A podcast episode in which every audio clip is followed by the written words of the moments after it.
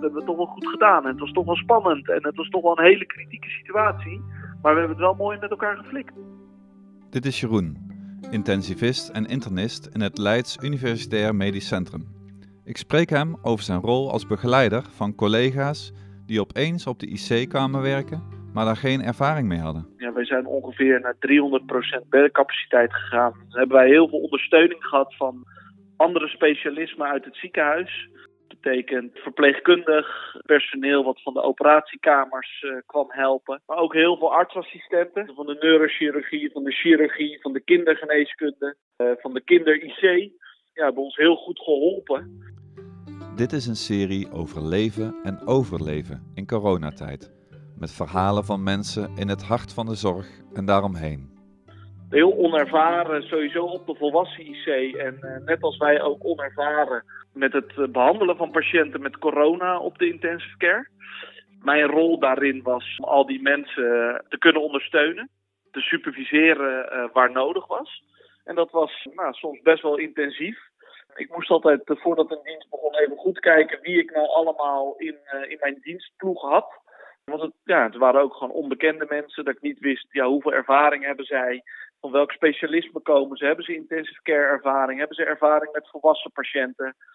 En dat was, nou, moest je van tevoren altijd wel eventjes goed kijken uh, wie er in je dienstploeg zat uh, op het rooster, voordat je een beetje kon inschatten wat voor vlees je in de kuip had en uh, op welke manier mensen supervisie van je, van je vroegen. Hij probeert de collega's met minder IC-ervaring te coachen over het ziekteproces en de manier van behandelen. En op andere momenten is hij een steun tijdens de overdracht. Ik denk dat bij ons de sfeer heel laagdrempelig is, maar alsnog sommigen ervaren zo'n overdrachtsmoment als een soort vuurpeloton. Je zit daarvoor en er zit een grote groep nieuwe dokters die net fris uitgeslapen zijn. Je hebt de hele nacht gewerkt en dan krijg je een vraag en dat, dat, voelen ze soms als een soort vuurpeloton. En dan is het prettig als degene die uiteindelijk eindverantwoordelijk is, als die uh, backup geeft bij zo'n vraag. Eén aspect van de opstartfase herinnert Jeroen zich nog goed. Aanvankelijk dachten we dat alle patiënten hetzelfde waren.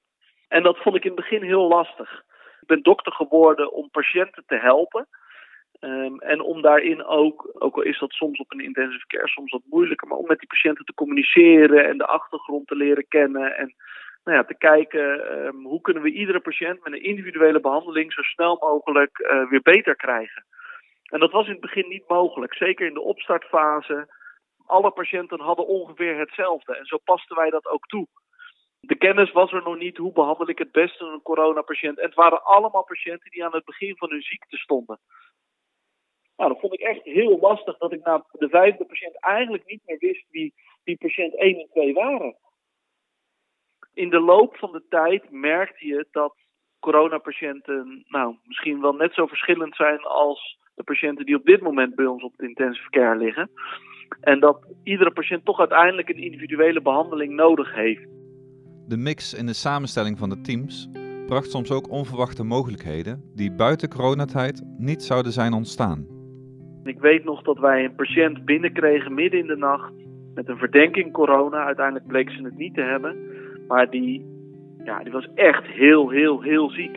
En we hebben toen met, ja, met elkaar als team. En dat was ook het leuke dat je, dat je meerdere mensen had met verschillende achtergronden. die op dat moment op verschillende manier input konden geven. en hun kwaliteiten kon, uh, kon gebruiken. Hebben we die dame nou, in ieder geval de eerste uren doen overleven. Uh, hebben we de juiste diagnose gesteld. En kon ze uh, nou ja, een aantal dagen later succesvol worden geopereerd. En heeft ze het daardoor overleefd. Nou, het feit dat ons dat gelukt is en dat we echt als team, artsen, verpleegkundigen, ondersteunend, iedereen echt alle zeilen hebben bij moeten zetten om deze, ja, was een hele jonge dame, was, was, onder de 40 jaar. Dat we die hebben kunnen redden en dat, dat die het heeft overleefd. Dat, dat merkte je dat in de diensten erna. En je had weer dienst met diegene waar, waar je dat toen s'nachts mee, uh, mee gefixt had. Uh, dat je dan toch wel eventjes naar elkaar toe ging en dat je zei: God, dat hebben we toch wel goed gedaan. Zeker zo iemand die ja, gewoon eigenlijk bijna je eigen leeftijd is. Waar je van ziet dat die patiënt, nou ja, als je niks doet, is uh, een kwartier later is ze overleden. En het lukt je dan om, om, om haar naar, naar stabieler vaarwater te trekken.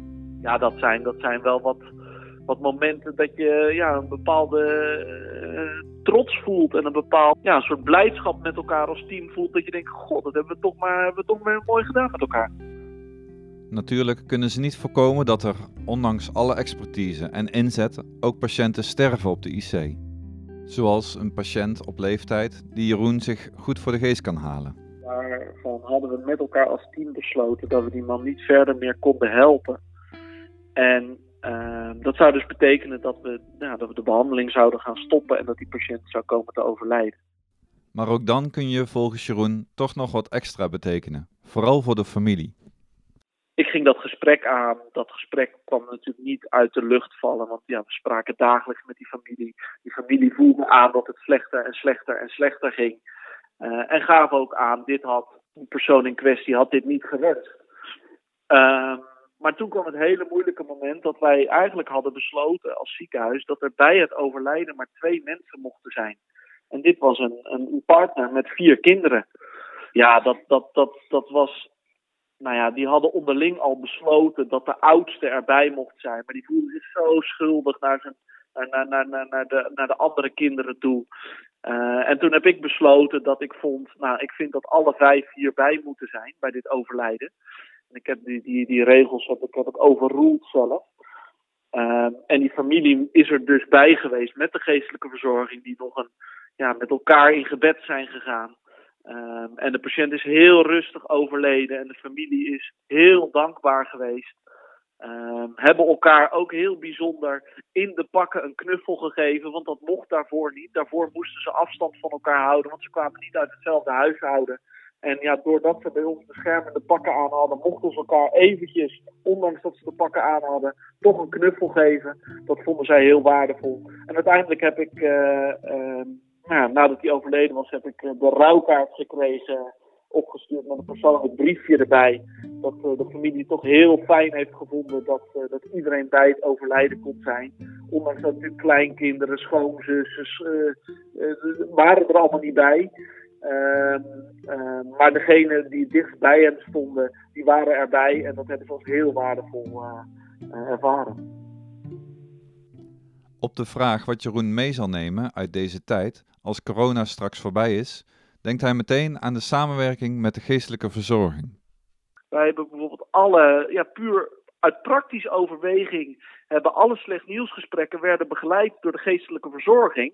Waarom? Omdat ja, die mensen moesten opgehaald worden bij de, bij de portier. Die moesten naar een aparte kamer ver weg van de intensive care gebracht worden. Daar moesten wij naartoe. Nou, die mensen moesten daarin begeleid worden. En de geestelijke verzorging wilde dat doen. Maar in die gesprekken merkten wij wat een enorm positieve invloed het heeft dat de geestelijke verzorging erbij zit. Die kan met die mensen daarna spreken, kan ze dingen nog eens uitleggen, kan nog eens zeggen: jullie hadden nog twee vragen, toch? Oh ja, ja, we hadden nog vragen aan de dokter. Nou, dat soort momenten, die, de, de, de, de kwaliteit die zo'n geestelijke verzorging uh, bij ons neerlegt, nou, die ga ik zeker veel en veel vaker gebruiken in de toekomst. Dat zijn echt nieuwe inzichten die we daarin op hebben gedaan.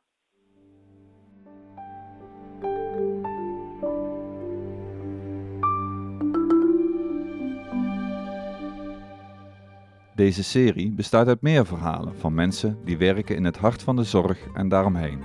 Met als doel elkaar te verbinden en te versterken in coronatijd en hopelijk tot ver daarna.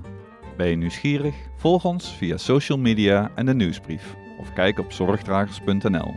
Deze aflevering is gemaakt in samenwerking met Leonie Vogels en is een co-productie van Zorgdragers, Stefan van Wieringen, Sier en Nathan van der Veer.